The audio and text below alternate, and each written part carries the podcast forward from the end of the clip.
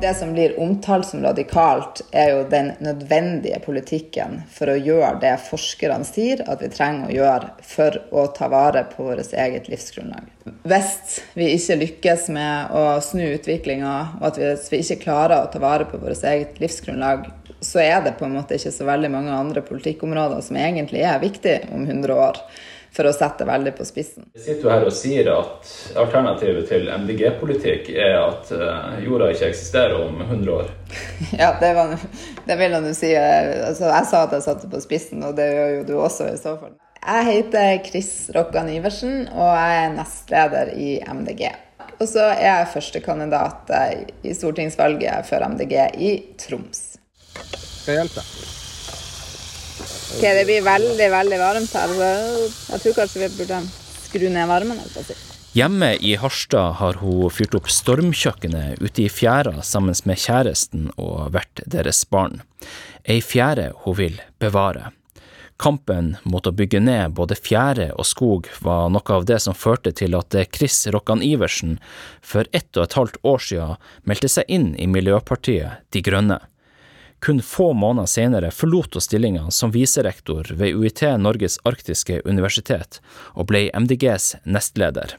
Klar for å kjempe for at Norge skal gjennom store endringer. Norge har tjent seg rik og har bygd et velfungerende eh, velferdssamfunn og en velferdsstat eh, på eh, en næringsaktivitet som ikke er bærekraftig for jorda. Nå er det jo masse land rundt oss som på, som har bestemt, sånn som Danmark, ikke sant? Vi, vi skal slutte å lete etter olje, vi skal ut av oljeproduksjon. Og det er flere og flere land som gjør det nå. Mens vi sitter og tviholder på en tanke om at det her skal vi holde på med i flere tiår fremover, når vi står i ei egentlig livsfarlig klima- og naturkrise. For meg så er det ingen logikk i det. Det handler ikke om Det er ikke rasjonelt. Det handler om følelser og identitet, er min påstand følelser og identitet. Ja, hvis man skulle... I stedet for økonomisk vekst og utvikling av pengene?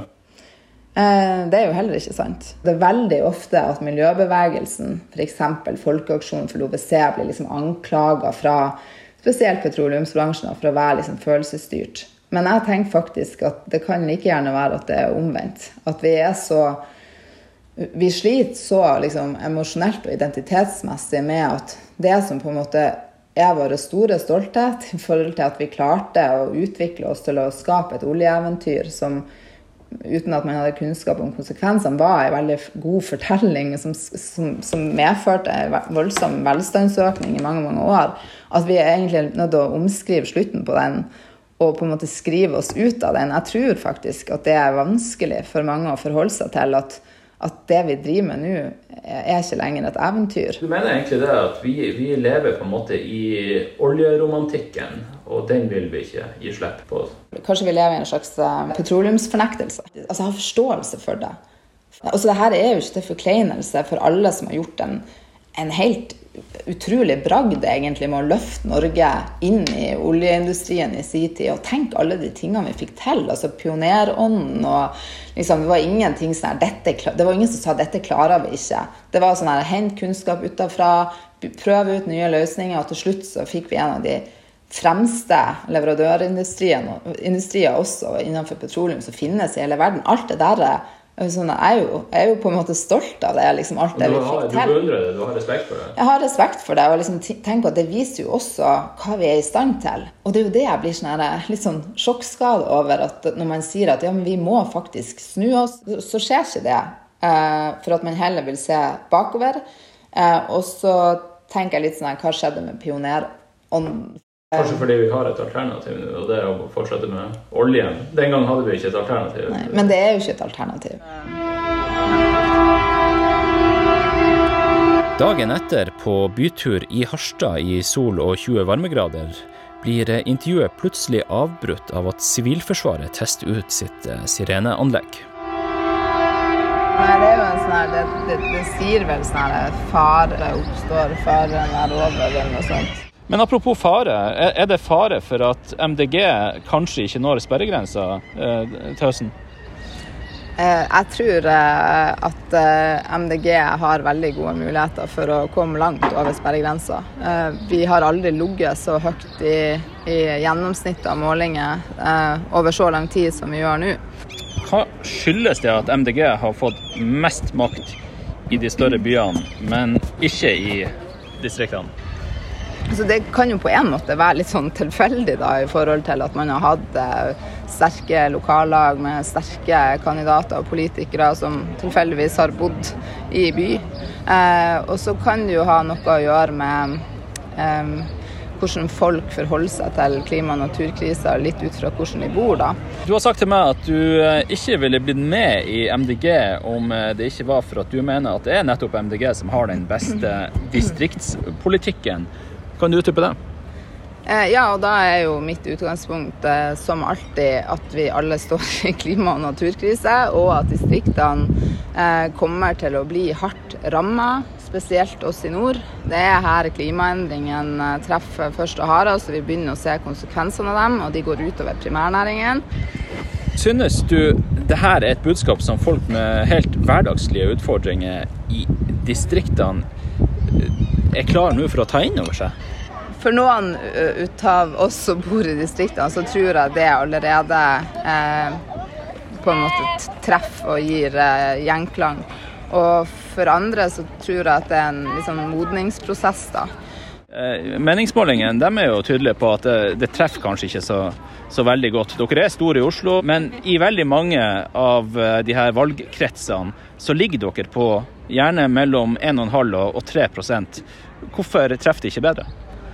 Nei, det er et veldig godt spørsmål. Og ehm, jeg tror eh, som sagt at jeg mener at vi har politikken, så det handler jo om å kommunisere det budskapet på en god måte, ofte nok over lang nok tid.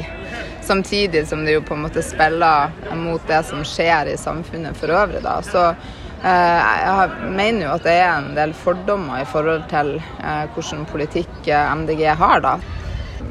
Med, med, bra distriktspolitikk, som du sier at MDG har, så vedtok jo landsmøtet i mars at dere skal fase ut fossile personbiler fra og med 2023. Forstår du at det ikke er politikk folk med lange avstander i distriktene trenger? Altså, det her er jo sammensatt, ikke sant. Og det, det handler jo om hvordan vi som samfunn i lag skal klare å nå klimamålene og komme oss ut av klima- og naturkrisa. MDG har jo sagt at vi er villige til å, å søke makt. Eh, og så har vi sagt at vi ønsker å bytte ut eh, den sittende regjeringa fordi at vi mener at de ikke har levert på eller gjort eh, jobben sin på klima og miljø de siste åtte årene. Og da har vi sagt at det er naturlig å peke på at, at det er Arbeiderpartiet vi vil snakke med først. Arbeiderpartiet da, de er ikke så interessert i å samarbeide med dere. Johan Gahr Støre, eh, Ap-lederen, har jo sagt at bl.a. i energipolitikken er avstanden for stor. Ja, eh, jeg er jo eh, litt nysgjerrig på om man eh, faktisk eh, kommer til å mene det, da. Og så eh, kan man jo si mye på forhånd som man kanskje justerer kursen på etter hvert. da. Nå er jo det av og til kan jo det oppleves som litt sånn underlig også, da, i og med at MDG sitter jo i posisjon i flere store byer i Norge. Og vi har jo veldig godt samarbeid med Arbeiderpartiet, bl.a. i flere av de byene. Eh, så eh, ja. Nei, han får nesten svar på sjøl hvorfor eh, han syns at det er vanskelig å se for seg. Og etter at eh, Jonas sa, sa, det han sa i november i fjor, så under landsmøtet i mars vedtok dere bl.a. at Eh, norske oljefelt skal stenges innen 2035 og, og redusere klimautslippene med 95 eh, Hvor god søknad til samarbeid med Arbeiderpartiet var det? Altså, Vi har, definerer jo ikke vår politikk og vedtar jo ikke vår politikk ut fra hva som passer Arbeiderpartiet. Vi eh, har jo et partiprogram og gjør jo våre politiske vedtak på basis av kunnskap og det som forskerne og FN sier er nødvendig for å løse klima- og naturkrisa. Hva er din beskjed til den oljevennlige fløyen av eh, Arbeiderpartiet for å omfavne en politikk som vil legge ned industrien deres?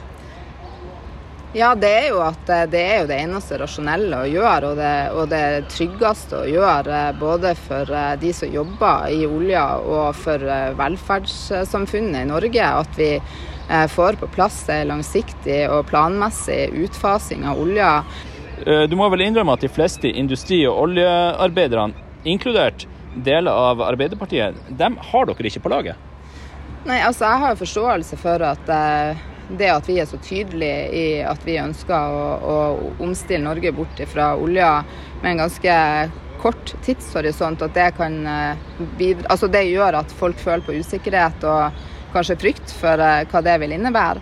Uh, men jeg mener jo at vi har egentlig samme mål som oljearbeiderne. Og det er jo å sørge for at de ikke blir arbeidsledige, og at de har nye jobber å gå til der de kan bruke kompetansen sin eh, inn i eh, andre industriarbeidsplasser knytta til eh, grønn sjøfart, til havvind osv. Noen mener jo at grønn politikk er et verktøy for å tvinge gjennom rød politikk. Er det ikke litt sånn, da? Å ja, spør du om en vannmelon? ja, det, jo, eh, det har dere jo blitt eh, beskyldt for. Eh, Fabian Stang og flere har jo ment at Miljøpartiet De Grønne er en, en, en vannmelon. Den er grønn utpå, og så er den blodrød innvendig.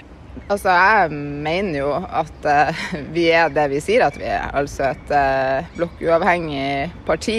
Men hvorfor klarer dere ikke å kvitte dere med det inntrykket, hvis det ikke er helt riktig? Mm, det er jo uh, et interessant spørsmål. Um, jeg tror jo noe av årsaken til det er jo at vi i Norge har et aksesystem som uh, kanskje begynner å bli litt utdatert, men som handler om høyre- og venstresida i politikken. Og som har gitt mening sånn som samfunnet var tidligere.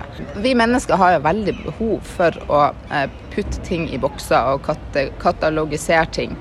Og når MDG ikke passer med boksene, så blir man jo litt frustrert. Og så passer man, putter, man de, putter man oss der man, man, eh, liksom Der det passer Altså der man liksom føler at det burde være. Vi kan jo på en måte ikke plasseres helt i forhold til det aksjesystemet. Vi er grønne.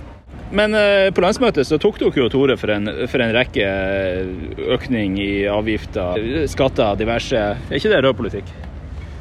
Eh, jeg vet ikke, for at jeg er jo ikke Altså, jeg er jo grønn politiker, så altså, er det det? Jeg vet ikke. Eh, vi har jo Altså, økonomiske insentiver vil jo alle politiske retninger i mer eller mindre grad benytte seg av. Um, så det handler jo om at vi ønsker å skape et eh, et fremtidsretta samfunn for mennesker og miljø. Men er det noe jeg eh, i hvert fall har veldig problemer med i forhold til politikken som har vært ført de siste åtte årene, så er det jo hvordan man helt bevisst eh, og systematisk har bygd ned vernet til naturen. Debatt i Tromsø om grønne byer. Etter litt over ett år som MDGs nestleder midt i en global pandemi, er det ikke dagligdags å debattere mot politiske motstandere og på spørsmål om hvem av dem hun liker mest, blir det vanskelig å svare. Sånn uten å ha tenkt meg om. Uh, har du aldri tenkt på det før? Uh, se, kan jeg bare tenke bitte litt? Uh, altså, jeg vet ikke hva som svarer på det. Hvis jeg er favorittpolitiker, så velger jeg å tenke på politikere som jeg syns er dyktige innenfor sitt uh, felt. Da. Og da tror jeg den første jeg tenker på som jeg har lyst til å trekke frem, er jo Espen Barth Eide, som jeg syns er en veldig kunnskapsrik og veldig dyktig politiker som uh, gjør en viktig jobb for klima og natur i sitt parti. Arbeiderpartiets klima- og miljøpolitiske talsperson har gjennom sine mange roller begeistra MDGs nestleder Chris Rokkan Iversen. Men eh, hvorfor er ikke flere begeistra for MDG, sammenligna med mange store miljøpartier i Europa?